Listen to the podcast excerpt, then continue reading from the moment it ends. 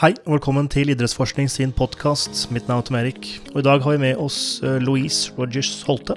Louise jobber som idrettspsykologisk rådgiver, bl.a. innenfor fotball, og følger enkeltspillere rundt om i verden.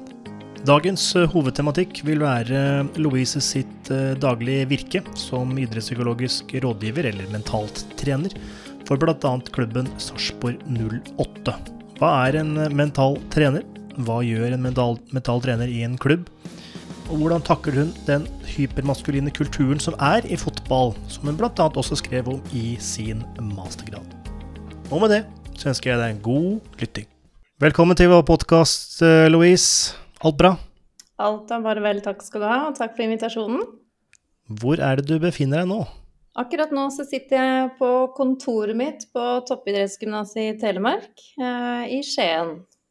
I Skien, ja. Ja, riktig, riktig. Der har jeg vært.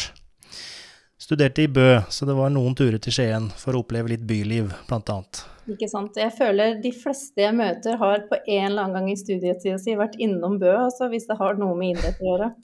Så ja, jeg har aldri tenkt at Bø var verdens navle, men det er søren ikke langt unna. Det er mange navler her i Norge, dessverre. Eller dessverre, forhåpentligvis. Ja, alt ettersom. Eh, Louise, du er eh, Du sa at du var psykologisk rådgiver, og så så jeg på e-mail eh, tittelen din. Der står det 'fysisk og mental trener', så jeg ble litt usikker på hva jeg skulle kalle deg. Så hva, hva skal vi gå med? Nei, det har uh, Reisen min på en måte jobbmessig har jo starta jo som student med mentalpsykologi, og så gikk det over til idrett. Når jeg tenkte at psykolog skulle jeg jo ikke bli. Så gikk jeg over til idrett, og så ble det faglærer. Og så fikk jeg jobb etter hvert på et toppidrettsgymnas, eh, hvor jeg da ble ansatt som fysisk trener. Så i 15 år så har jeg jobba med fotballspillere som fysisk trener for 15- 19-åringer. Eh, samtidig, i 2015, så fikk jeg da, ble det en stilling ledig på skolen som mentaltrener, som jeg da overtok etter Gyri Bekk. Um, og samtidig da så uh, Noen år senere så fikk jeg jobb i Obos-ligaen som fysisk trener for en fotballklubb der. Og så utvida de den stillingen også til mentaltrener. Og så har det da blitt at jeg bestemte meg, kom i en uh, litt forsinka 40-årskrise, og bestemte meg da for å kjøpe meg hårføner og rettetang og ta mastergrad. Så um, de siste to årene så har jeg vært uh, idrettspsykologisk rådgiver i Sarpsborg. Um, og har på en måte tatt litt steg vekk fra det å være fysisk trener, da. Um, så nå har jeg jo holdt på med den rollen, ja, det nærmer seg vel sju år. Så samtidig så har jeg også uh, kunder rundt forbi Europa, i England og Tyrkia, Nederland, Danmark. Andre spillere individuelt i eliteserieklubber som jeg følger opp eh, som, som idrettspsykologisk rådgiver. Så selv om jeg på en måte starta på psykologien og tenkte det ville jeg ikke likevel, så har jeg på en måte sirkelen blitt hel, og så har jeg endt opp med å drive med det likevel, men fått meg masse god erfaring innenfor fotballverden, da. Så, Riktig. Mm. Men, men, hva var eh, den opprinnelige tanken om at du ikke ville drive med psykologi? Um, det var jo egentlig at nei, orker jeg høre på folks problemer hele tida? ja, ja, det er viktig å være ærlig. So, men, sounds like teaching. det er det. Det er som, det er som undervisning. Um, likevel så tror jeg det som med 15 år på feltet og i styrkerom og, og, og en gym, da, å kunne se på unge utøvere som har sine store drømmer. Eh, og uansett hva slags type tilrettelegging vi la i forhold til hvilke planer de skulle følge for å øke de fysiske kapasitetene sine, så skjønte jeg liksom at det, det er likevel det mentale, det, det som er motivasjonen for utøveren, eh, stålpåvilja, dedikasjonen, de mentale ferdighetene som kom til å være avgjørende for hva de fikk ut av det fysiske. Så mm. det blei liksom en sånn Jeg er så utrolig takknemlig for de 15 åra, for det har gitt meg et sånt innblikk i det å være langtidsskada, hvordan folk klarer å drive seg sjøl på det som er kjedelig og monotont. Eh, og det å målretta jobbe mot å kunne prestere bedre da, i en prestasjonskultur. Så Nei, det var um, Det å kunne knytte det opp mot, mot toppfotballen, det var noe jeg på en måte bestemte meg for i 20, 2016, hvor jeg som sagt i den 40-årskrisa tenkte at jeg vil jobbe med Norges beste utøvere. Og så har jo det krevd hardt arbeid, men um, ekstremt givende å få lov til å jobbe med, så, med sånne um, individer som på en måte tør å, å pushe seg sjøl, da. Det har vært veldig spennende. Mm. Uh, har det vært et bevisst valg å velge fotball? Ganske egentlig naturlig, fordi når jeg ble ansatt på toppidrettsgymnaset, så var det som fysisk trener for fotballgruppa. Um, så det var på en mm. måte Jeg har alltid vært fotballinteressert. Uh, lørdagskveldene med pappa var jo i TV-stua mens vi satt og så på Liverpool-kamper når det var tippekamper. Riktig lag. Ikke sant? Yes. Vet du hva, jeg tør nesten ikke å vise det. Jeg fjerna pokalen min som er bak her, for det er sånn Liverpool-vimpel på den. For jeg tenkte at tenk om det er feil fane å vise. Så jeg burde jo kanskje dra den fram, så dere kan se Liverpool-fanen min. Um, og så har jeg spilt fotball sjøl elendig fotballspiller, nakent venstrebein, men jeg hadde temperament og krigerinstinkt som eh, gjorde at jeg gadd å holde på i ni år. Men eh, jeg har alltid vært litt sånn tiltrukket av det å jobbe mot eh, spesielt herrefotballen. For jeg syns for min del, som, som dame, så er det et trangere nåløye å komme gjennom, og det er sånn jeg blir drevet av, da. Is it more football just almost like the nature of a market? I assume it's probably the most likely place you're going to get a job as a as a sports scientist or psychologist or physical trainer just like in England really. If you're going to work in professional sport it's probably it's probably football because there's there's like 90 teams to choose from. Is that the same in in Norway? Did that influence your career path just the nature of the job market here? I don't know. Eh, Nå skal jeg holde meg til norsken, ja. Det er faren, det, vet du. Når den er britisk, så blir han liksom med på det. Men eh, nei, jeg vet ikke om jeg har tenkt på markedsverdien. For meg så har det vært mer sånn konkurranse Altså den konkurransepreget som eksisterer der, da. Men det er jo som du sier, det er jo der det er mer midler til å kunne få en jobb. Og, men i et støtteapparat som mentaltrener så skal det være en ganske godt drevet klubb som vil ansette noen i 100 stilling. Den stillingen jeg har nå i, i Sarpsborg, den er på 50% men det er også fordi jeg har andre baller i lufta for å få det til å gå rundt, og i og med at jeg bor i Skien da, og må pendle. Men uten tvil, altså jeg tror det er vanskeligere å få en sånn type stilling i håndballen eller innenfor friidrett eller bryting eller hva slags type idrett det skal være, da. Mm. Ja, fordi markedet er så lite? Ja. Ja. Men, jeg, når vi snakker om det Jeg har jo aldri liksom gjort det for pengene. Jeg har liksom aldri tenkt at eh, Og jeg vil ha en jobb som, som sikrer meg en god inntekt. Jeg har alltid vært drevet av, av det å, å, jobbe med mennesker. Og så blei det jo å utdanne seg til å bli faglærer med psykologien, engelsken og idretten. Og jeg tror de som er sultne på en god inntekt, velger ikke akkurat læreryrket. Så I was just going to say, I guess it's a double-edged sword. In maybe sports psychology in Norway and, and sports science as a profession in general, because it's quite an established pathway where I'm from. In fact, there's governing bodies.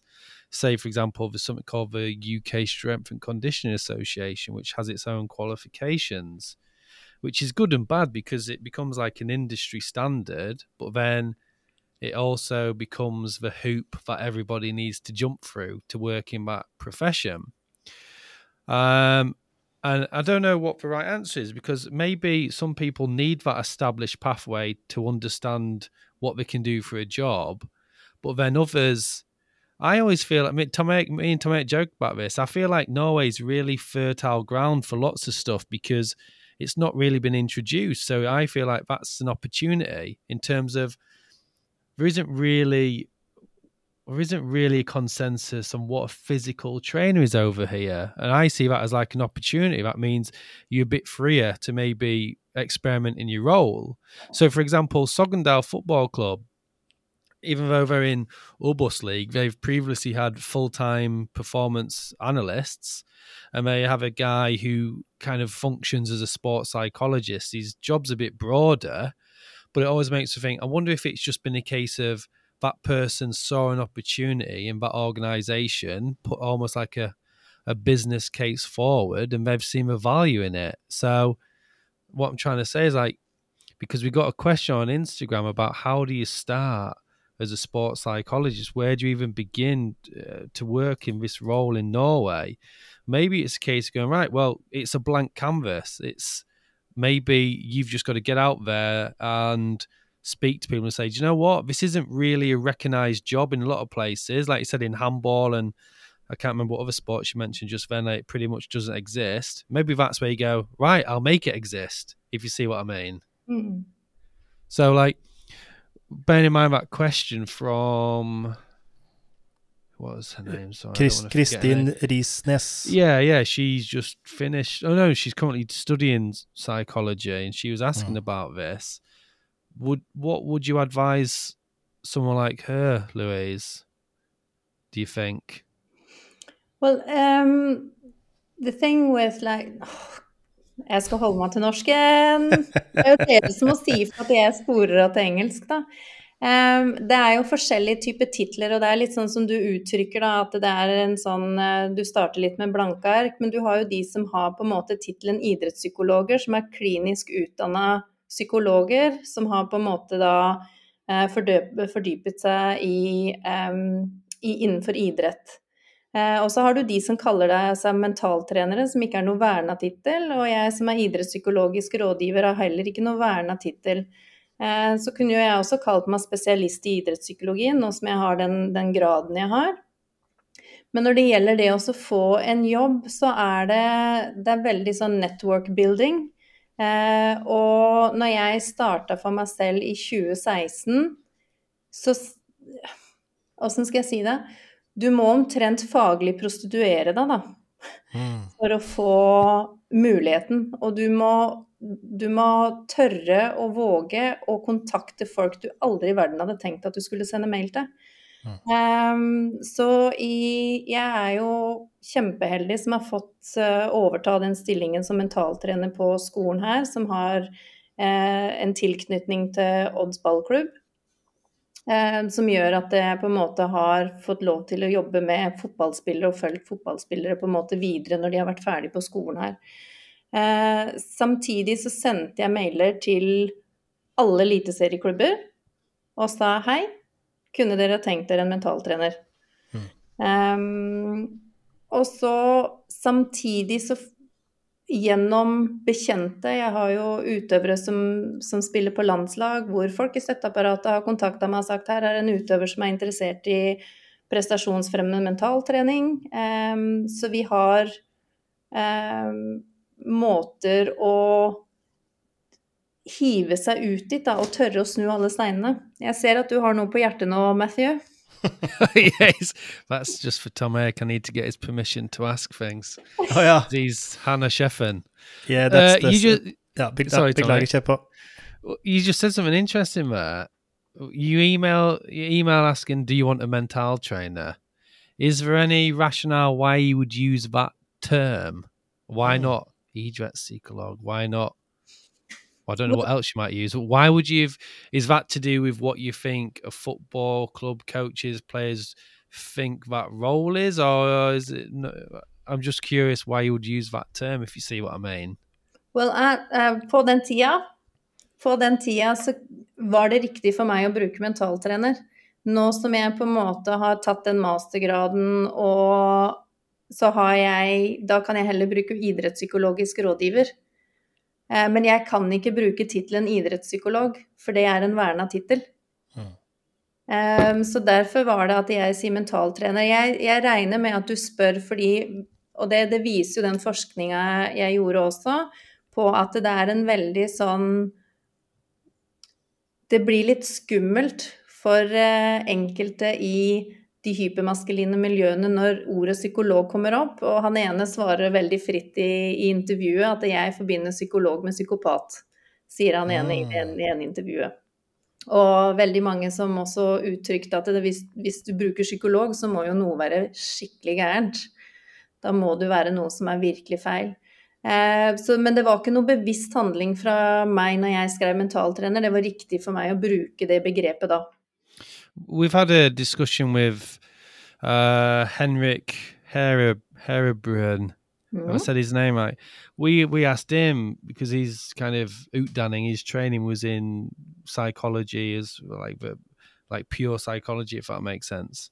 Mm. And I think it's always important to continue asking this question. Different people, you get different perspectives. Do you do you see any major differences between a mental trainer and an idrettspsykolog? Or is it just like insurance and protected titles? Do you see a difference in what that role might be?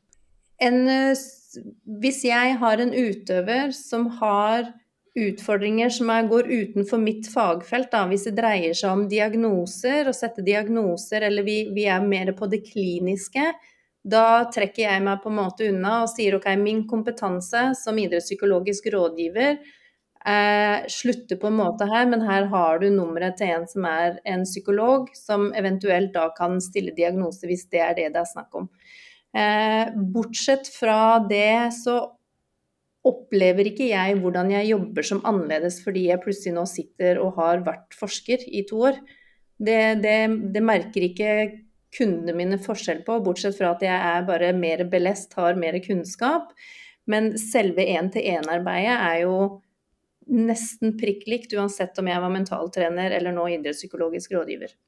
Eh, begrepet mental trening, mental trener, mental coach eh, er jo også et begrep vi spurte Henrik Herrebrøden om. Eh, og grunnen til at vi spurte, er fordi begrepet er kanskje, i hvert fall jeg får inntrykk av, blitt vanna litt ut. Og grunnen til at jeg bruker begrepet 'vannet ut', er fordi det har blitt tabloisert gjennom eh, kommersielle bøker som selges på ulike bokhandler. Det har blitt, eh, står i Instagram-feeden til bioen på ulike mennesker som ikke nødvendigvis kanskje har den riktige kompetansen som du har. da.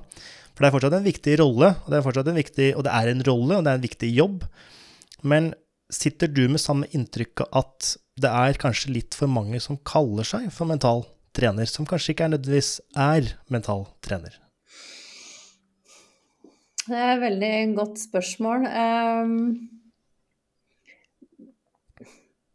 det er jo det som blir utfordringa når det ikke kreves på en måte en, en viss kompetanse for å, for å, få en sånn type tittel. Eh, likevel så er jeg litt sånn skrudd sammen at hvis du finner et menneske da, som en sparrepartner eller en som kan hjelpe deg, og det er å komme over én kneik eller ti kneiker eller gjøre hverdagen enklere da, eh, for deg, så blir det for meg litt ett fett hva du kaller det.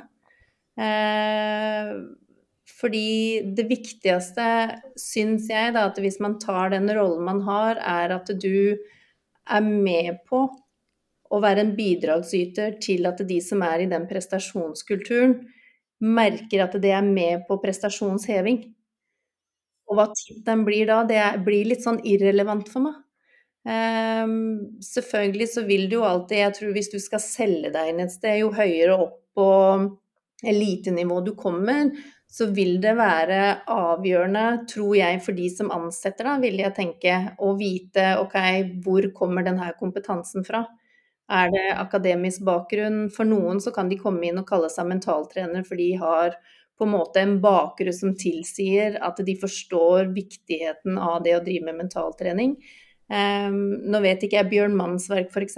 som er i Bodø-Glimt. Han er jo ikke bakgrunn i fotball, men har jobba innenfor uh, en prestasjonskultur som har krevd ekstremt mye i forhold til fokus og tilstedeværelse, uh, press og, og, stress, som gjør at uh, Bodø-Glimt tenker at han er ekstremt bra kompetent til å hjelpe de som lag.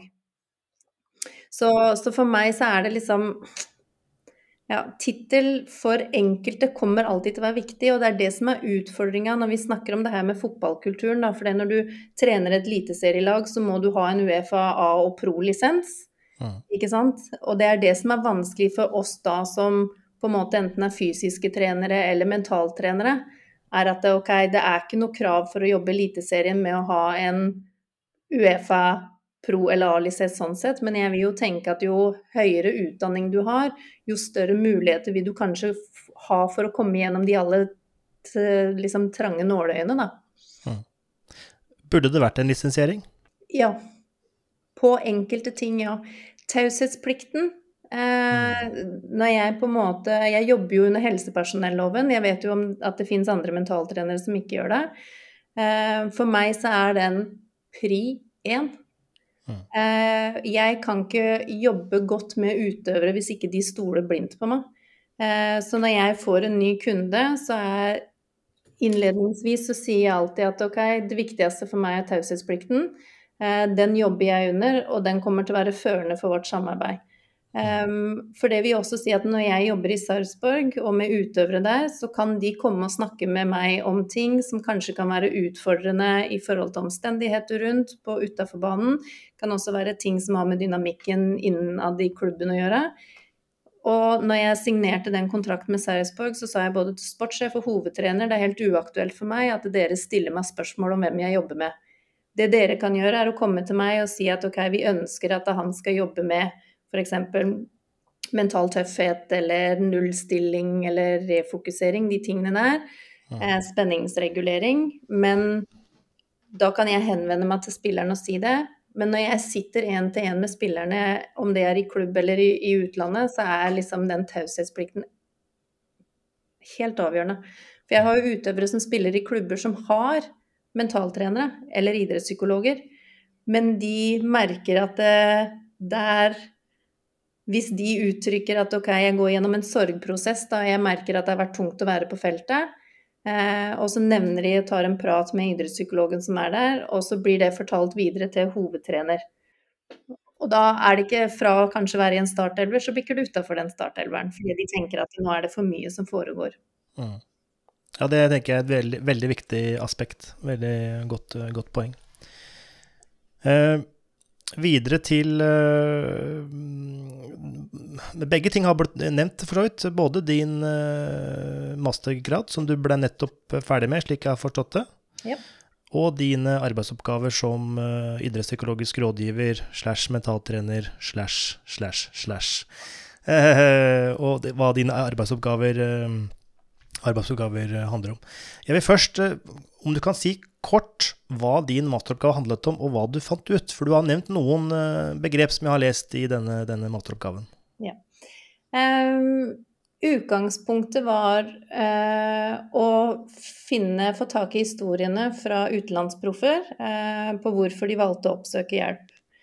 Um, og grunnen til at jeg ønska det, er jo på grunn av at det er flere parameter som spiller inn når man på en måte reiser utenlands. Det kan være kulturelle forskjeller, det kan være språkbarrierer, um, og det kan være savn fra familie. Um, så jeg ønska på en måte å ta tak i de historiene for å se hva som kom fram. Uh, så i, det var et kvalitativt studie. Uh, med fem utenlandsproffer som spiller da på et høyere nivå i, enn den norske eliteserien. Um, snittalderen var vel rundt 23 år. Uh, mm. Og så pga. min egen interesse, fordi jeg jobber fra et holistisk ståsted uh, For meg så er aldri spilleren kun en spiller. Uh, så var det veldig viktig å også se om det var mentale ferdigheter som blei tillært, som de også brukte utenfor banen. Um, så jeg kaller det pan-contextualizing, altså at man har tillærte ferdigheter fra feltet, hvor man på en måte finner en effekt som man kan bruke, bruke utenfor også. Så det var det jeg ønska. Grunnen til at jeg også valgte herrefotballen, er nettopp for jeg hadde lyst til å finne ut hvor ståa var i forhold til de hypermaskuline miljøer hvor det å oppsøke hjelp ofte har vært forbundet med stigma om eh, de her klassiske liksom at det er svakt hvis du oppsøker hjelp. Enten så tåler du det, eller så tåler du det ikke. Så Mm. det var liksom bakgrunnen til, eh, til forskninga, da. Ja, hva, hva fant du ut? Jeg fant ut at den yngre og kommende generasjonen eh, faktisk eh, ikke opplever stigma i like stor grad. Det er et skifte som er i ferd med å skje. Eh, de som på en måte var med i studiet, et kriterium for utvalget var at de offisielt hadde gått ut, enten i sosiale medier, aviser, hva det skulle være, og uttrykt at de hadde et samarbeid. Så de allerede hadde vært åpne om det. Det som viser seg i funnet, er at ingen av de opplevde negativ tilbakemelding. De opplevde positiv forsterking av valget og en nysgjerrighet på hvordan det fungerte. Mm. Det som var i forhold til det å kunne bruke det på og av feltet, så ser de at de har, etter samarbeid med mentaltrener eller idrettspsykologisk rådgiver, så merker de større arbeidsfokus. De spiller med større selvtillit og mer ro. Mm. Em, så det var det som var forskjellen på feltet. Utenfor feltet så har de bedre work-life balance. Uh, I tillegg til at de uh, opplever at de er roligere utenfor banen. Så, så det var funnet. Når jeg liksom prøvde, siden det var kvalitativ studie, så var det liksom å finne litt det uts usagte. Det var jo veilederen min, Anne Marte Pensgaard, hun var ekstremt opptatt av det. Hva er det som ikke blir på en måte sagt? Mm, ja. Eh, Så når jeg skulle på en måte sette sammen de siste delene av puslespillet, eh, så finner jeg jo ut da at det tidligere i karrieren deres, når de var Altså snittalderen da var 17 år, så hadde alle opplevd motgang over en lengre periode i tid, underkant av et år, ca. 11 måneder. Den perioden med motgang, den kom de seg gjennom uten en fagperson som idrettspsykologisk rådgiver. Og det er det som gjorde det ganske interessant, for selv om de har selvregulert seg sjøl, for mye av forskninga og det jeg skriver om, er om selvregulerende læring og refleksjon, gjennom, selv om de har klart å selvregulere seg gjennom den tøffe tida aleine, så har de kommet til et punkt i karrieren sin hvor de likevel valgte å oppsøke hjelp. Så Mm. to av de oppsøkte hjelp fordi de var på rett sted i karrieren sin. De to hadde gått til høyere nivå. To av de mente at de sto overfor en mental utfordring som på en måte blokkerte litt det å få ut eh, prestasjonene på feltet. Og så var det en som bare var supernysgjerrig på hvordan det her kunne hjelpe ham.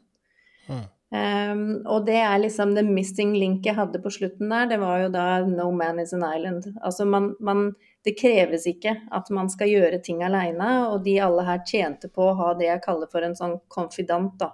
En sperrepartner.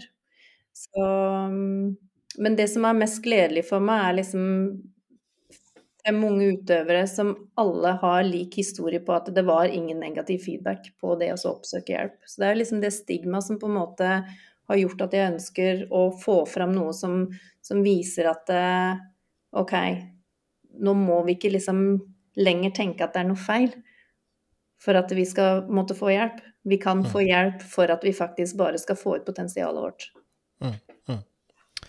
Matthew? Um, just because you talked about qualitative stuff, and it just always gets me thinking about the students here at HVL who me and Tomato work with. I often think like bachelor students in particular think an interview is far simpler than it is, and um, it's very complicated. It's very complicated to get good answers, kind of what you suggested there. Um, and it, I just think a lot of students, some of master's students as well, don't really appreciate like them as the interviewer, how much that affects their responses that they're getting and stuff. Um, like I've tried to say to students, like you can't just go and interview a complete stranger about right. Tell us about something really traumatic, having never met you before, and you want them to tell you about that in the first five minutes.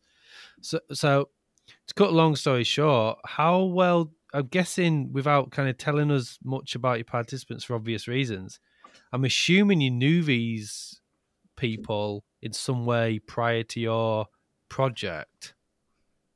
Yes, uh, that's um, that's for the research in in the introduction to research. I've used my own clients, my own players, um, which always is a challenge because, in a sense, I know that I've helped them, and at times you would think, okay, are they saying yes this because they want to help me? Um, I'm back to English. Doesn't matter. It's a good answer. jeg går over til norsk igjen, ja. Nei, men jeg tenkte at ok, føler de seg forplikta til å hjelpe meg fordi jeg har hjulpet de. Eh, likevel så har jeg gjort rede for det på når det, kan, når det dreier seg om både det etiske, eh, fordi svarer de det jeg ønsker at de skal svare for å vise at ok, se hvor flink jeg har blitt. Mm. Men på en annen side så er jo heldigvis den tillitsforholdet tror jeg gjør at de har åpna opp om ekstremt mye forskjellig da, som kan ha verdi. Sånn som jeg sa til veilederen min, jeg har litt lengre utdrag av sitater fra intervjuene. Eh, kanskje lenger enn det som bør være, men jeg har holdt meg innafor riktig prosentgrense. Men mitt ønske har vært at tenk om en annen utøver leser det her og kjenner seg igjen, og tenker at eh, OK, så jeg er ikke aleine om å ha det sånn her. Jeg er ikke aleine om å få opplevd det her å bli støtt ut, ignorert, eh, isolert fra andre, ikke ha noen til å ha trua på meg, de tingene her. Så jeg tror egentlig for å få de gode historiene, så har jeg vært heldig som har hatt folk som jeg har kjent, til å intervjue. Det rare var det at når jeg starta og sendte ut Jeg sendte ut fem mailer og jeg hadde en liste på hvem jeg kunne tenke meg som deltakere. Eh, jeg sendte det ut halv ni på en tirsdag, og innen klokka halv to så hadde alle svart ja. Hmm. Wow. wow. But um, if if we go back to like the you like your problem stilling and, and the the kind of reason you did this project is that how did you come about with the the masters project in general? Is that through is that through something you've seen maybe over several years or several environments where like okay this needs investigating. Does it come from dialogue with coaches? Does it come from players? What i'm just curious what made you want to do it or was it just simply a gap in like the existing literature? Og jeg, jeg tror at er fordi Jeg hadde, jeg hadde lyst til å utfordre nettopp det sånn som jeg nevnte tidligere, det her det stigma som eksisterer mot det her med hjelpsøking. Nå syns jo jeg at norsk eh, eliteseriefotball har tatt kvantesprang eh, på det, og flere og flere klubber har en idrettspsykologisk rådgiver tilgjengelig, eh, og er med på å normalisere det. Eh, at det å ha Altså vi har fysiske trenere som ivaretar de fysiske kapasitetene. Vi har hovedtrener, assistenttrener og keepertrener som ivaretar det tekniske, det taktiske. Eh, vi har analysefolk. Eh, og så tenker jeg det bør jo i et støtteapparat være helt naturlig å ha et menneske som ivaretar det som egentlig styrer beina, altså hodet. Mm. Og det er jo så rart at det på en måte tidligere, da, nå er jo den mer og mer framme, men tidligere så er jo den liksom vært ikke-eksisterende. I 2019, tror jeg det var, så var det fire klubber som hadde mentaltrener. Så det som har skjedd de siste to åra i norsk fotball, tenker jeg for ivaretagelse av individet har vært ekstremt viktig. Mm. Eh, nå har jo noen Noen bruker Olympiatoppen som kompetansesenter, noen har personlighetsutvikler, som de kaller det. Noen har idrettspsykologer, og noen har mentaltrenere. Men eh, vi nærmer oss syv, åtte, ni klubber eh, kontra det det var før. Men det er jo alltid et kostnadsspørsmål. Ok, skal vi putte så mange kroner i en mentaltrener, eller skal vi faktisk kjøpe en midtbanespiller? Ikke sant? Og hvis mm. du tenker liksom, eller trenger vi mer penger for å lønne en spiss mer, for å få inn den spissen vi ønsker, ok, hvor er det vi skjærer på en måte ned? Og det er jo det som også er en utfordring i å være i et støtteapparat i fotballen, er at du får jo aldri lange kontrakter. Eh, du får ett år, to år kanskje. Eh, så du, du må hele tida levere, du må hele tida være på. Du må være på tilbudssida. Du må gjøre en jobb som er overbevisende både innenfor spillergruppa, men også innenfor trenerteamet. Og så er det helt avgjørende at hovedtrener har trua på at mentale ferdigheter er viktig og trenbare. De kommer alltid til å synes de er viktige, men at de er trenbare, er veldig viktig. Hmm. So we've talked about this in previous episodes when we've had physiotherapists on who work as physical trainers or they've come from a physiotherapy background and then they've done sports science after or vice versa but the point is we're educating them both uh, but maybe working only in one role or two and it comes back to this idea of well it's cost effective isn't it if we can have a physio who can design strength training you can't really get a strength coach who can be a physio just because of a protection of the titles. So I understand what you're saying. So um, when you said that, I thought, is that maybe been useful for you to have been a physical trainer and a, a psychologist in some way? Does that make you more cost effective? Well, I started out when I went. Uh, the thing is, nå er jeg på engelsk igjen. Det som Jeg starta jo som fysisk trener på skolen, hadde de her 15 åra her. Og så fikk jeg jobb i Odd på barne- og ungdomsavdelinga som fysisk trener. Så visste jeg at jeg ønska å jobbe med de beste, så tok jeg fjerdedivisjon uredd, så tok jeg tredjedivisjon Porsche, og så kom jeg meg til Obos-ligaen. Så du må på en måte være villig til å starte. Men det jeg ser når jeg da var i Obos-ligaen, så ble jeg først ansatt som fysisk trener. Og så utvida de det også da til mentaltrener. Samtidig da så tok jo jeg uh, utdanning som massør, massør. Så den ene Så det ene året så var jeg mentaltrener, fysisk trener og massør. Oh. Ja. So what's the word in Norwegian? Alt mulig mann. Alt mulig mann. That's a bit sexist, really, isn't jeg tenkte det er mer som Kinderegg. Tre år. Yeah. yeah, Kinderegg. Kinderegg, vet du. For når jeg var i Obos-ligaklubben, da jeg var i Notodden, så utvida de stillinga siste sesongen til at jeg var massør, mentaltrener og fysisk trener. Wow. Jeg Men, men, eh, to flyer i en smekk, men det var tre. Passer ikke det fint, du som har en holistisk approach? Helt nydelig. Men noen, noen ganger, noen ganger så måtte jeg spørre de, snakker du til meg nå, som, for det er igjen tilbake til den taushetsplikten. Så når du Mm. har de på massasjebenken, da, eh, og så var det litt sånn OK, snakker du til meg som mentaltrener nå? Eh, for da må jeg ta på meg den hatten i tillegg, hvis det her er taushetsbelagt. Eh, så den Det å liksom gå mellom de rollene der, da var det jeg som måtte i hvert fall sikre på ta sikkerhet for hvor hva slags type informasjon de delte med meg, da. Mm, mm. That's just reminded me of what's a TV series where we follow like high performance settings like New Zealand rugby and Man City. I think the Arsenal one just come out. Is it All or Nothing? Where they follow like a club. But I don't know if either of you have seen it, but the Man City series is really interesting because the kit man, everybody, he was like the go to guy. Everybody loved him. Like you, you see him in pictures now. Like it's really funny. There's a picture like Jack Grealish out in town in Manchester, and we're like, "Who's that guy? He's not a pro footballer." And it's the kit man. Everyone recognizes him instantly. Everybody loves this dude, but like, you could guarantee players probably talk to him in a way where you think this is probably a not a psychological issue, but there's elements where, without even knowing it, I'm sure that that person in that role is almost functioning as like a counselor, a sh- not necessarily, but maybe a shoulder to cry on and an outlet. And I guess it's really difficult when, you know, it's quite easy to define what kind of physical training is and how to measure it, how to measure physical performance. I guess it's very difficult to put in a box what people's roles are. So, for example, I always feel like coaching is an applied version of sports psychology, and that's how I teach it here. I try to teach like kind of sports psychology, sociology, those aspects, rather than say performance analysis, which some other people would consider coaching to be.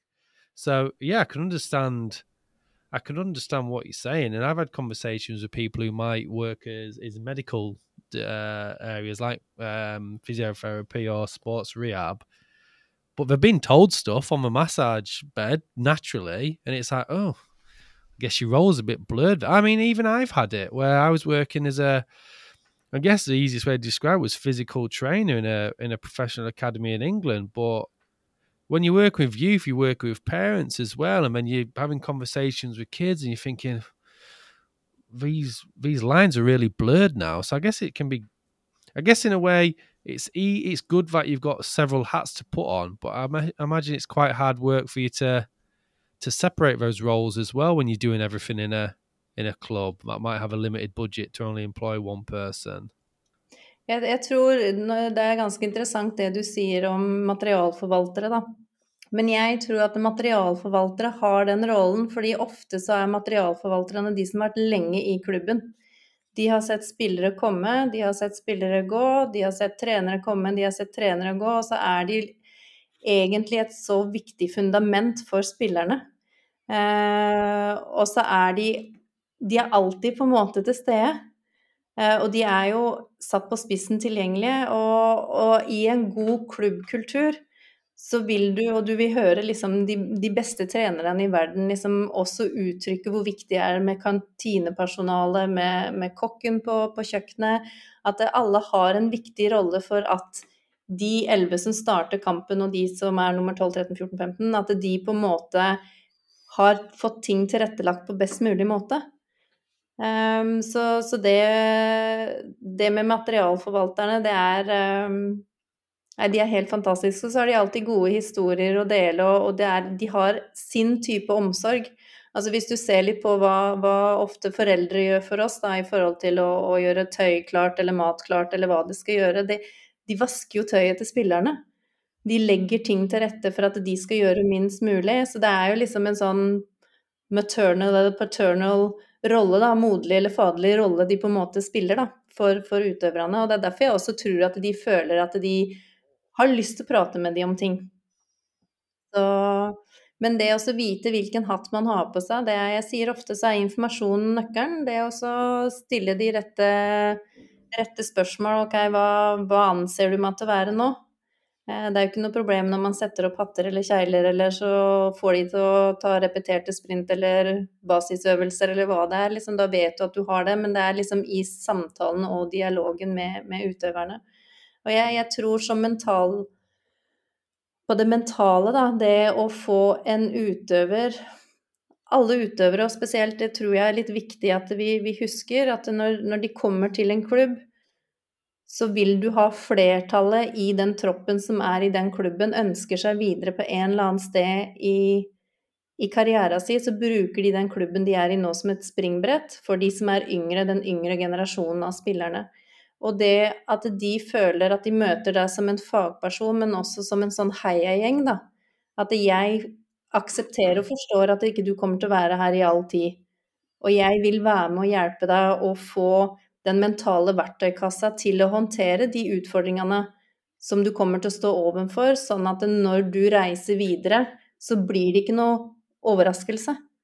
Fordi du faktisk har også trent topplokket da, til å være klar på at ok, ting skjer med høyere tempo, det kan være andre dynamikker, det kan være de språkbarrierene jeg snakka om. At man på en måte er mentalt forberedt, forberedt på det. For vi snakker ofte om når spillere går til andre ligaer, så kan det være at der vil det være tøffere fysiske krav, det vil være hardere duellspill, mer kynisme, kniven i ryggen, alle de tingene her. Og det å på en måte være litt sånn ikke pakke de inn på noe som helst måte, men si at det her er realiteten. Hvordan har du tenkt å oppleve det å være i startelveren uke etter uke etter uke til å OK, du kommer til klubben, men du må kjempe om en plass på laget. Hvordan kommer det til å være for deg å sitte tre måneder på benken? Og det å gjøre de mentalt robuste, det å, at de kjenner at det her er det en som er med på mine ønsker og drømmer for karrieren min, da, det tror jeg er ekstremt viktig. At de mm. kjenner at det her er det en som heier på meg. Absolutt. Ehm, jeg har lyst til å hoppe litt eh, tilbake igjen til noe du, eh, du For å nevnte litt flere ganger, men Eh, du sa jo at du sendte et par e-poster til et par klubber, og så vidt jeg husker fra en VG-artikkel, så var det ca. ti klubber. Der du fikk svar fra én klubb, tror jeg det var. Ja. Eh, og du sa også at det var veldig få mentale trenere i 2019, men at det er flere i dag. Er dette fotball? Er det pga. at det er menn? Er det pga. at de er eldre? For de så at unge uh, var mer åpen for mentaltrening og det å ha besøk av idrettspsykologiske rådgivere. Er det fordi vi er nordmenn? Fordi du jobber også med europeere fra ulike nasjoner? Altså, er, altså er, det flere faktorer her som gjør at vi er enten framme i skotuppen når det kommer til uh, sett i verdenssammenheng, eller altså, hva er det som gjør at vi er så skeptiske, eller ikke vi, men fotball er så skeptiske til, uh, til dette her? Nei, jeg tror uh, Hvis vi skal se på liksom det som grunnen til at ikke det har vært tidligere, så har det hatt uh, Vi tror at det er, det er, flere faktorer. Det ene er jo økonomien. Uh, og så vil det jo alltid være verdien av det. vi ser jo også at trenere Trenere som på en måte har vært i Norge, gått ut og kommer tilbake. Andre gangen de kommer tilbake, så ansetter de en idrettspsykologisk rådgiver fordi de opplevde at klubben ute har hatt. Mm. Ikke sant? Um, det, jeg, det, det er én faktor, det er liksom hva klubben i seg sjøl ønsker, og den økonomien. Eh, det er som sagt et generasjonsskifte òg. Det blir også yngre og yngre trenere. Eh, jeg tenker nå har jo fotballen blitt så ekstremt drevet av teknologien. Eh, altså det fysiske blir ivaretatt med GPS og alle de tingene her. Og så ser du jo at ok, hvis vi skal hente noen prosenter, så kan det også være på det mentale. Så derfor ansetter vi det. Så jeg tror liksom det er flere ting som har vært avgjørende for at det skiftet er i ferd med å skje, og også fordi Tidligere så var det på en måte treneren som hadde status i klubbene. Det, det har skjedd et skifte nå hvor at det i hvert fall ute i Europa da, så vil det være spillerne som er stjernene. Og hvis en spiller kommer og sier at ok, jeg vil ha med meg min egen fysiske trener som jeg kanskje benytter i ferier, jeg vil ha med meg min ernæringsfysiolog som jeg støtter meg på, jeg vil ha med meg min mentaltrenere, så er det også liksom det, De begynner å få mer og mer rettigheter, spillerne, da. Og derfor tror jeg også at den yngre generasjonen som har brukt sperrepartnere, som jeg syns er veldig kjekt å kalle det, da, ønsker å ha det tilbudet også når de kommer til, til nye klubber. Så det, det, å finne hvor kan vi hente de prosentene, fordi vi ligger i så på det her Hvor er det vi kan være litt bedre? Så har det blitt en mer et mer behov, da, kanskje for å ha en type idrettspsykologisk rådgiver i et støtteapparat. Mm, mm. Is most of your work with individual players? I, I was trying to work out whether you work You said you work for Sarpsborg, didn't you? Yep. Okay, but a lot, a lot of your other work, you've almost is it? Am I right in saying you've you've pretty much worked with a player on an individual basis? Like you said, some players who might have their own their own uh, physical trainer or chef or whatever. Have you been, you predominantly have worked where you're independently contracted to that player rather than the club? Yep. Does that create much conflict then? Uh, Without saying anything too uh, controversial, I guess. I don't want you to name people. Nei, jeg ser på det som uproblematisk. Eh, fordi det kan jo godt hende andre syns det er utfordrende, men for meg så er det ikke noe problem. Jeg har jo spillere i ni forskjellige eliteserieklubber. Eh, og så har jeg spillere, som sagt, i, i utlandet. Eh, noen av de møter hverandre, så det kan jo godt hende at jeg en klokka tolv snakker med en utøver i Nederland, og så har jeg en utøver klokka ett som skal møte han andre. Eh, men for meg så er det alltid individet i fokuset. Altså litt sånn hvis han Jeg tenker det er så utrolig rått med de jeg har ute, fordi de overlater ingenting til tilfeldighetene. Ingenting. Så de kan ringe kvelden Han ene liker gjerne Han ene som spiller i Premier League, han liker gjerne å ringe kvelden før kamp. Eh, for da vil han gå gjennom hva han har satt seg som arbeidsoppgaver inn mot den kampen. Eh, hva som venter han. Eh, og så snakker vi, liksom etter vi har gått gjennom hva som venter han på jobb i morgen, så snakker vi jo løst og fast om andre ting. Eh, men det er en sånn type mental sjekk-in, en sånn sjekkliste. Ok, da føler jeg meg klar. Og da har opplever han det at det med både meditasjon eller mindfulness etter en sånn type sekvens, og så kjenner han at ok, i morgen så trenger jeg bare å se på den lista, og så er jeg klar. Eh, og det ser jeg på de, de, utøverne jeg har som har det her egne eierforhold, da. Eh, satt litt på spissen, så signerer vi gjerne ettårskontrakt. Og når de velger å putte penger i det sjøl, så vet de at det her er noe som jeg har lyst til å bruke over tid. Og de forstår at det må trenes på som lik linje som repeterte sprint eller spensthopp eller taktisk forståelse, da. Så, så vier de tida til å bruke det. Nettopp for det er en ressurs de har, de har vilt investere i, da. That's really interesting. Um, you've obviously kind of mentioned some, I guess, I think, what was the word you use? Like, your mental Werkzeugkasse and, and like specific techniques. Uh, what I wanted to ask is like, obviously the the buy-ins probably changed a bit in terms of it's a bit more accepted to have a, a, psychologist in the in the group by the head coach or whatever but um i'd be curious like is there an expectation that you just like implement tools and they want a very specific like treatment and the reason i ask that is i used to share an office with a guy whose entire phd was wasn't about a specific topic within sports psychology. His PhD was on how he worked as one because he went into different environments and he was just basically told, "Oh yeah, these lads need psychology. Go do it to them. Go do the psychology." And when I was working, sharing an office with him, and he was doing some consultancy work with a local football club, he was just given like a session, like, right, can you go do even though I don't know why the head coach was directing, like, oh yeah, they need some visualization. Here's an hour. Go do it to them. Go do the, and I've heard it before. Like you just go do the science to them. So like, my question is like, do have you had it where coaches almost want you to use a certain tool, or they kind of have very different there's a clash in expectations of what they expect a, a sports psychologist to be doing compared to the way you'd like to work, if you see what I mean? Jeg tror når jeg kom til Sarpsborg, eh, nå ble jeg ansatt der i 2021. Da hadde de hatt en mentaltrener i 2017 og 2018 som uh, brukte mye av tida si på mindfulness. Uh, så det var på en måte et krav fra klubben om at de ville at spillergruppa skulle, skulle fortsette med det.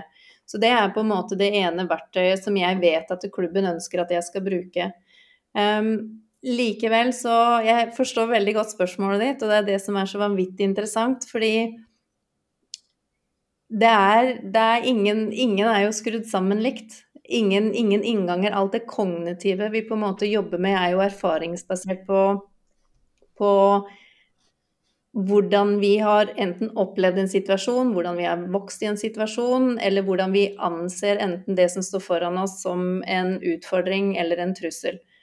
Eh, og hvordan vi kan regulere oss selv i det. Så når jeg, når jeg jobber med utøvere Jeg har en ekstremt god utøver når det gjelder det mentale i, i Danmark. Han er helt rå på å bli kjent med hva som funker for han underveis. Når vi starta, så var på en måte en av tingene var at han, han ville ha type triggerord som hjalp han å ha et fokus på arbeidsoppgavene.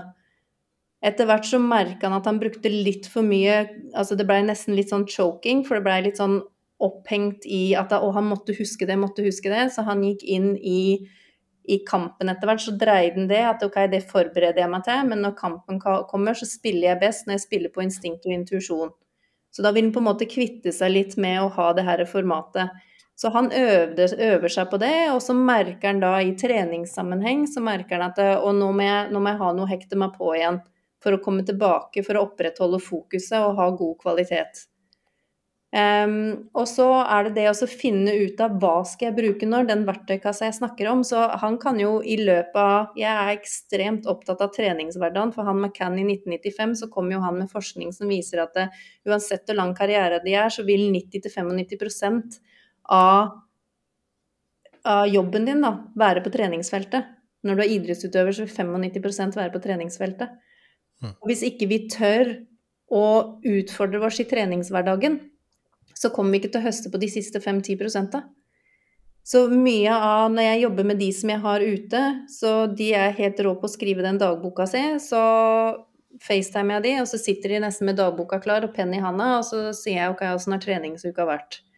Nei, i dag så har jeg på en måte gitt meg sjøl et visst tall på, på mental innstilling. Så, så, det å Du kan ikke Det er ikke sånn one size fits all. Det er helt umulig, for ingen altså av den Jeg vet ikke hvor mange vi er nå i, i Sarpsborg, da, men i den spillergruppa vi har der nå, så er det jo ingen som er på samme sted i karrieren sin. Ingen. Så du har de som på en måte Ok, her kommer jeg til å avslutte karrieren min, jeg ønsker noen flere år som fotballspiller, jeg kommer til å være her, mens vi har andre som kommer til klubben nettopp for at det skal være et springbrett for å reise videre. Alle de igjen har hver sin bakgrunnshistorie. Så du, du jeg, jeg, skjønner jo veldig godt den herre ja, gå og fiks det, ikke sant. Mm. Og det er det som er så veldig gøy, da. Folk sier at nei, gutta har ikke selvtillit. Liksom, nå må du, nå må du på jobb, Louise. Det ofte, hører ofte den, liksom. Hvis utøver utøvere ikke har prestert, så ja, nå må du på jobb. Og så er jeg sånn, ja, men jeg har jo faktisk vært på jobb når de har prestert. Mm. Det er det som er så interessant, da, at um, lokale medier, da, når vi, når vi, står i motvind, så skal lokale medier ha en prat med mentaltreneren på hvordan, liksom, hvorfor er gutta så skjøre nå. Istedenfor når vi på en måte spiller den beste fotballen vi har spilt, så får du aldri en henvendelse fra en journalist på ja, hvordan har dere jobba for å ha så godt spill, og ha den, den framgangen dere er i nå. Og det er derfor vi er liksom tilbake til det her, det er liksom det stigmagreiene at noe må være feil for at en mentaltrener skal måtte på jobb. Well, I guess it's the same as like in some ways, I remember having a really interesting lecture from a physiotherapist when I was a master's student who was saying, like, again, people just think a physio is for when they're injured.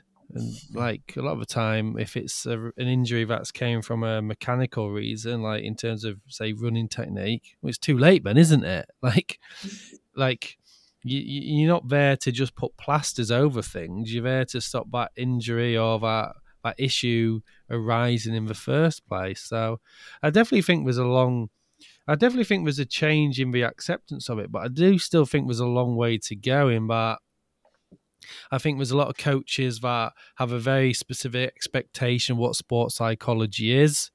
And then there's conflict, like they just think it's like well, is it? I guess it's the same in physical training as well you, you just there are some quite unrealistic expectations in terms of what they think will happen as a result of maybe one or two 30 minute sessions. And the guy I talked about before he used to go out the office on his consultancy work come back 15 minutes later oh yeah he's cancelled the session. But next week he wants me to come in and do 45 minutes on team building. It's like what?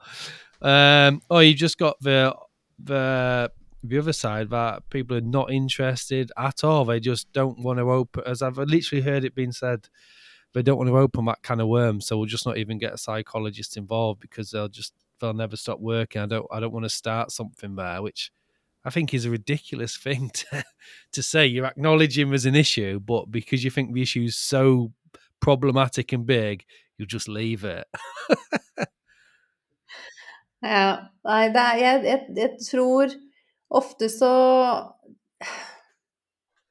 Hvis vi tenker på hvor mange Altså de som er på eliteserienivå, da, de er jo vi, vi, kan jo putte de i kategorien eh, eksperter i det de holder på med, og de har ekstremt mange tusenvis av timer hvor de har hatt ball i beina.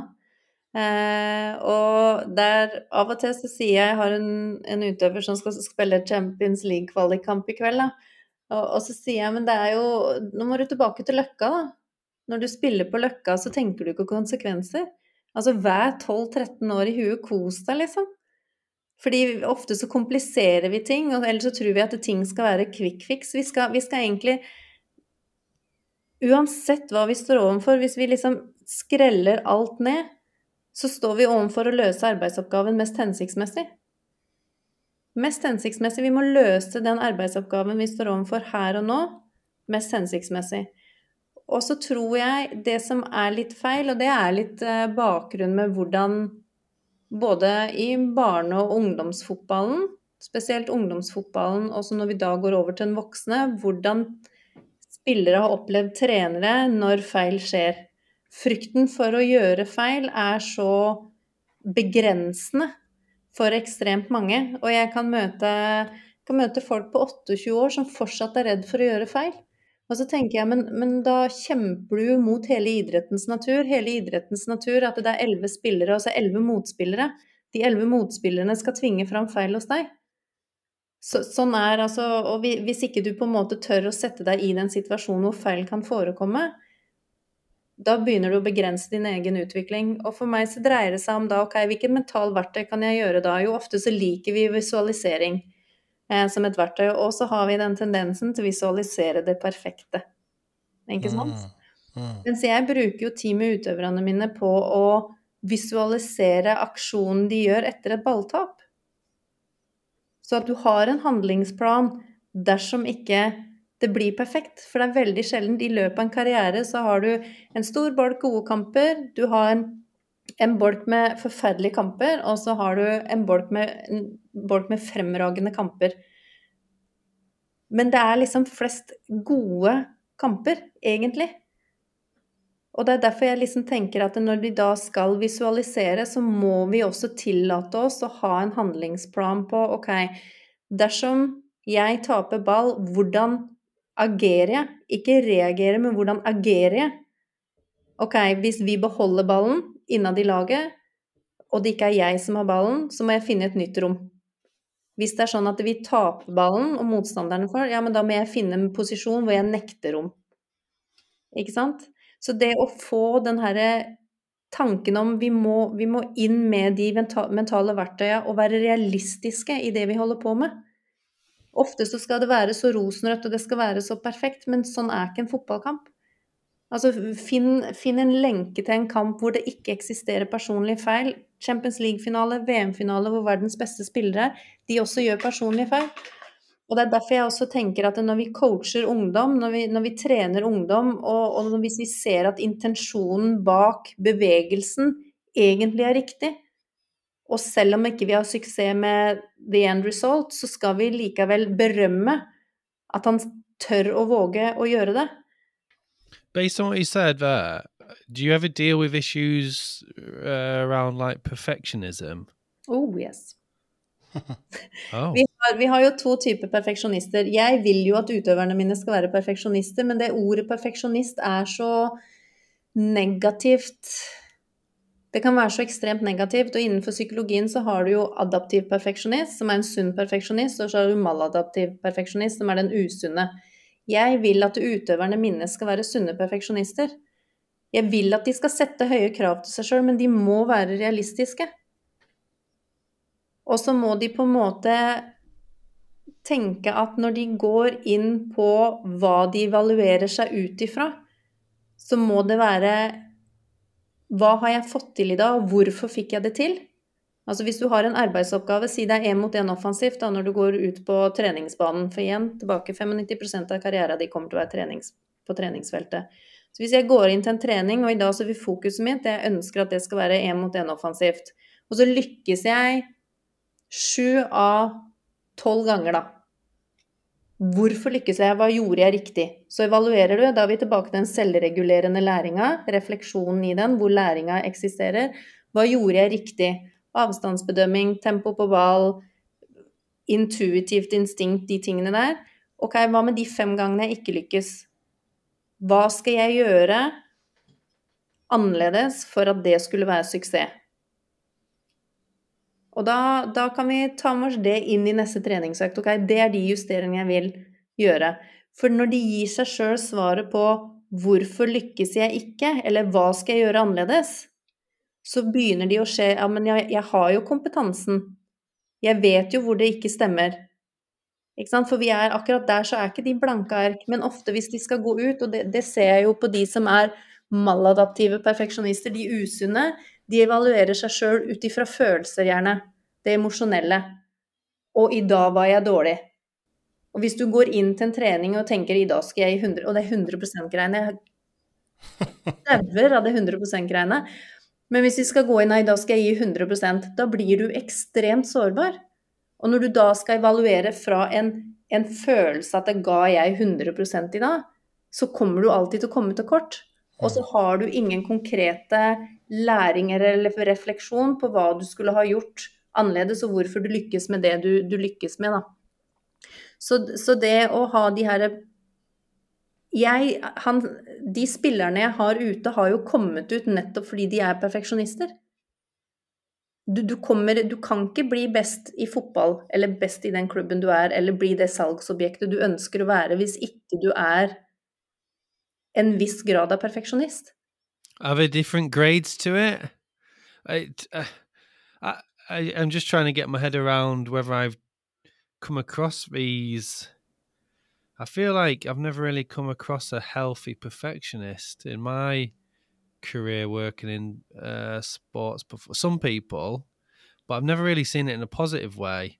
Uh, it's almost like I've seen elite athletes who've clearly got perfectionism or perfectionist um, I don't want to use the word issues, but it's always been manifest in a negative way in terms of maybe snapping back at a coach, questioning things, not eh, not just to be not they're not questioning it to be like aggressive or abrasive, but they're just questioning like, well, how is this this needs to be improving my performance and it creates conflict. I've never really I don't really think I've seen perfectionism in a positive manner, but that's just me. I don't what they, I don't even know what that looks like, really. What about Ronaldo? I know, or Lewandowski, or whoever. No, but the, the, well, I don't but, know them, so I've not seen. I've just, I've not seen it. Nei, men hvis, hvis, hvis, hvis du tenker, da um, en, en, en, en, kunde av meg, en spiller av meg, sier uh, en, en, av målsettingene mine, Louise, det er å chille mer. Jeg trenger å bli bedre på å chille. Jeg trenger å bli bedre på når jeg kommer hjem, så skjønner jeg og øver meg på å koble ut. For meg så er det perfeksjonisme. Om det betyr at han skal binge en serie eh, litt tidligere på kvelden, men at han fortsatt opprettholder leggetid Jeg tenker at det er så utrolig rått når han skjønner at ok, jeg, min egen tankevirksomhet, som kanskje kan sette han i den båsen og være perfeksjonist, den har jo blitt usunn perfeksjonist, for han skjønner at han ikke klarer å koble av. For meg så blir han sunn perfeksjonist når han kommer og sier 'jeg må lære meg å chille'. Mm. Og så er det min jobb da å hjelpe han med å finne måter å gjøre det på. Og igjen så er jeg tilbake til den selvregulerende læringa. Hvis han før en trening har satt seg som mål på hva han skal evaluere seg ut ifra, når evalueringa hans er gjort, så er han ferdig med den økta. Men jeg mener, jeg mener den, altså han, den, spilleren jeg har i Premier League, han hadde jo aldri kommet til Premier League hvis ikke han var liksom klink hard med hva han ønsker av sine egne prestasjoner i treningshverdagen. Og livet utenfor, og tilbake til det holistiske settet. Når vi snakka om ok, hvilke how, how did you pan contextualize your mental skills from on the pitch to off the pitch? Altså hvordan de bruker begge. Nei, så ender de opp med å være roligere mange av de opplevde jo før å komme hjem og liksom aldri omtrent kunne sette seg ned. Fordi jeg tror før så var det å sette seg ned, da begynte tankekjøret. Mens nå så evaluerer de seg når de er ferdig med økta, og så kommer de hjem, og så kan de være til stede med samboer eller kjæreste eller familie, eller om de er aleine. Så har de større sånn eierforhold til hvordan de på en måte regulerer seg sjøl utenfor feltet. Og det dreier seg om å ta kontroll over de tinga vi kan kontrollere. Nå ble jeg veldig ivrig, kjente jeg. Yeah. My, uh, I was just going to ask. Um, the last thing I ask is how. What your thoughts on how this crosses over, or maybe can be separated from like ego? Bra spørsmål. Jeg tror det dreier seg om selvinnsikt. Eh, realistisk selvinnsikt er ekstremt viktig. Eh, jeg tror de som på en måte har en genuin og realistisk inngang til hvor langt de kan nå Jeg, har, jeg syns jo at de skal få lov til å sette seg sjøl først i visse faser av livet, og i, i, i, visse deler av livet, da, som også er utenfor banen. Eh, vært veldig heldig og fått observert et, et parforhold på nært hold når det gjelder en som er eh, i, i Bundesligaen, hvor sam, eller partneren da, sier at ok, han har en så lang karriere, den kommer til å vare så lenge, Så det er ikke noe problem for meg å være støttende fram til det, for plutselig så blir det min tid. Jeg tror du er avhengig av de signifikante andre, at de ser for å kunne komme til de her toppene, så må de faktisk få lov til å sette seg først. Jeg har jo utøvere som på Kvanta velger å sove på et eget rom, for da får de bedre søvn. Men jeg tror at når du i f.eks. et samliv går inn i det, så skjønner du Igjen så er vi tilbake på hvor er det jeg kan hente de prestasjonsfremmende smådeler da, som gjør at jeg legger til rette best mulig for meg sjøl i morgen. Men så har vi jo også de som gjør det til da litt sånn tvangstanker. Og det er hele tida den balansegangen, og det tror jeg er ego det dreier seg om. Når ligger vi på den sunne, altså ligger og balanserer helt riktig? Når er det usunt, når er det usunt? Nå er det ting som er utenfor min kontroll, men jeg likevel har oppheng i, kontra når det er det ting som er innenfor min kontroll, som jeg kan kontrollere. Men jeg, jeg, tror, jeg tror for å bli best i det du holder på med, så må du også tørre å være egoistisk. Ja. Du må være din egen største advokat, da. Ja. Yeah, so actually, I, I said I was going to. This will be the last thing I say then. So is is is toppage is is performance sport healthy? Based on what you just said. Well, you would need to define for me then what healthy is. It depends what Det, det kommer an på hva din definisjon på sunt er. because me and Tomato talk about this all the time. Like, we, like whether, well, okay, healthy would be in this context, like positive relationships with as many people as possible, um, kind of functioning in normal society, like lifelong habits, like so that you're not just doing stuff. I guess my main issue with performance sport a lot of the time is you become a person and uh, everything about your life is focused on one thing, which might only be maybe like 20% of your life. And often people can't go back to a, a more normal life after performance sport, which you obviously see quite a lot. So, like, what I'm trying to say is that, and you talked about, and I think I agree fundamentally, that you've got to be kind of egotistical to be the best in the world at something. But I wonder, I wonder at what expense it's at. I always remember Ricky Hatton. I'm sure you've heard of him, famous boxer. He used to say about Floyd Mayweather, "What's the best? What's the point of being best boxer in the world if you're a dick?" And I, I always think about that because, like, I wonder, I wonder, you know, like, like you, the, the Lance Armstrong videos, he says he doesn't regret taking steroids, but he regrets the way he was as a person. He wish he could go back and change where he was to performance staff and medical staff. Mm-hmm. And so what I'm trying to say is that I wonder how much it's worth, or how many people look back and go, right, I was a I was a I was a professional athlete, but there's a lot of stuff I wish I hadn't done in those 10, 15, 20 years but do you not think a lot of people would say that even though they're not elite athletes? Do you not think that's just life? Do you not think that Tenker du ikke at uansett hvordan vi på en måte lever, så er det perioder av livet vårt hvor vi tenker at det der skulle jeg gjort annerledes, eller håndtert annerledes, eller ville vært annerledes? Jeg tror, jeg tror uten tvil så er det ikke alle som er skrudd sammen til å bli toppidrettsutøvere. I know what you're saying, but I, I, I guess my flip side to that would be I think performance sport, you can still get away with being a bad person if you're performing on the pitch. I don't think I'd last very long as a teacher if I had quite egotistical tendencies. Do you see what I mean?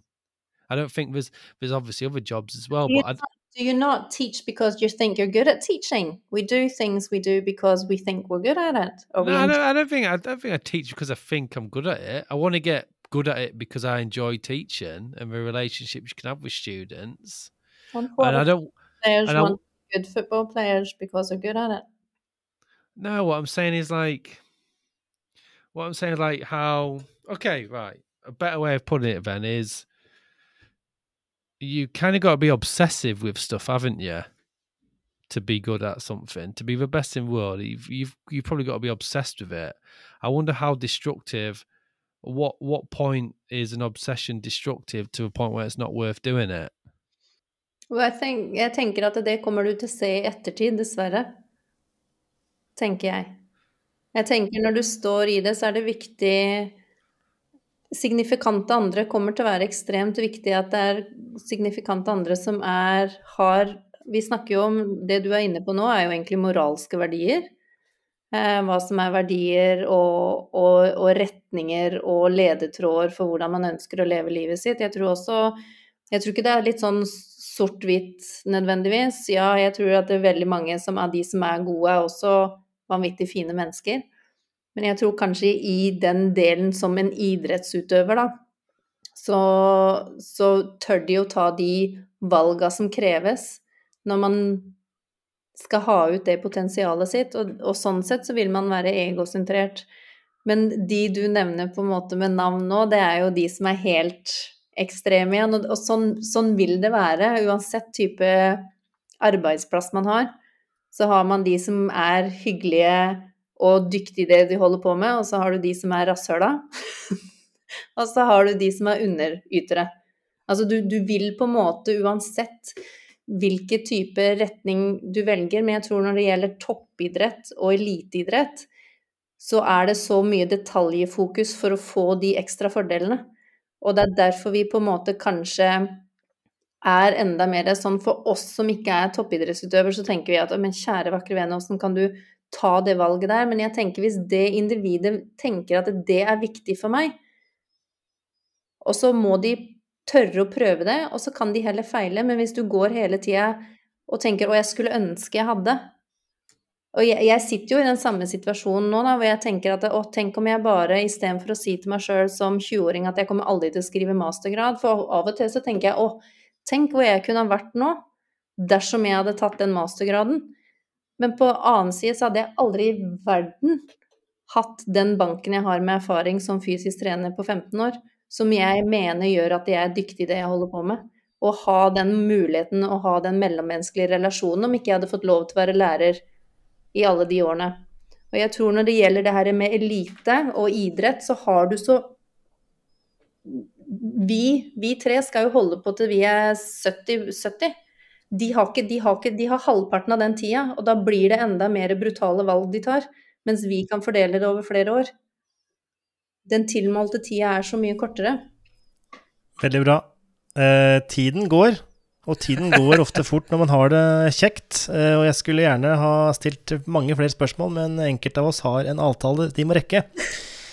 Eh, så til slutt, eh, Louise, så ønsker vi å vite litt Hvis man skal ønske å følge deg videre, rent sosialt, digitalt, hvor er du på det store, vide internett? Du, jeg er Jeg er vel på Twitter. Jeg er ikke så veldig god på Twitter. Jeg føler det er altfor mye sånn derre Ja useriøst.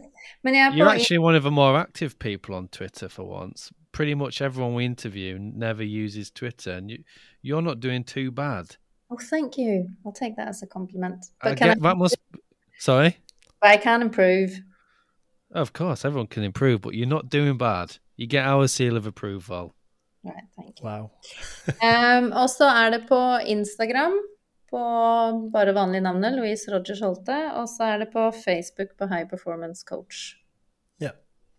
Og vi legger selvsagt ved lenkene til de uh, nettsidene du sa nå. Uh, med vårt uh, badge of approval, som vi har delt ut for første gang, slik jeg husker i hvert fall. Og det er bra.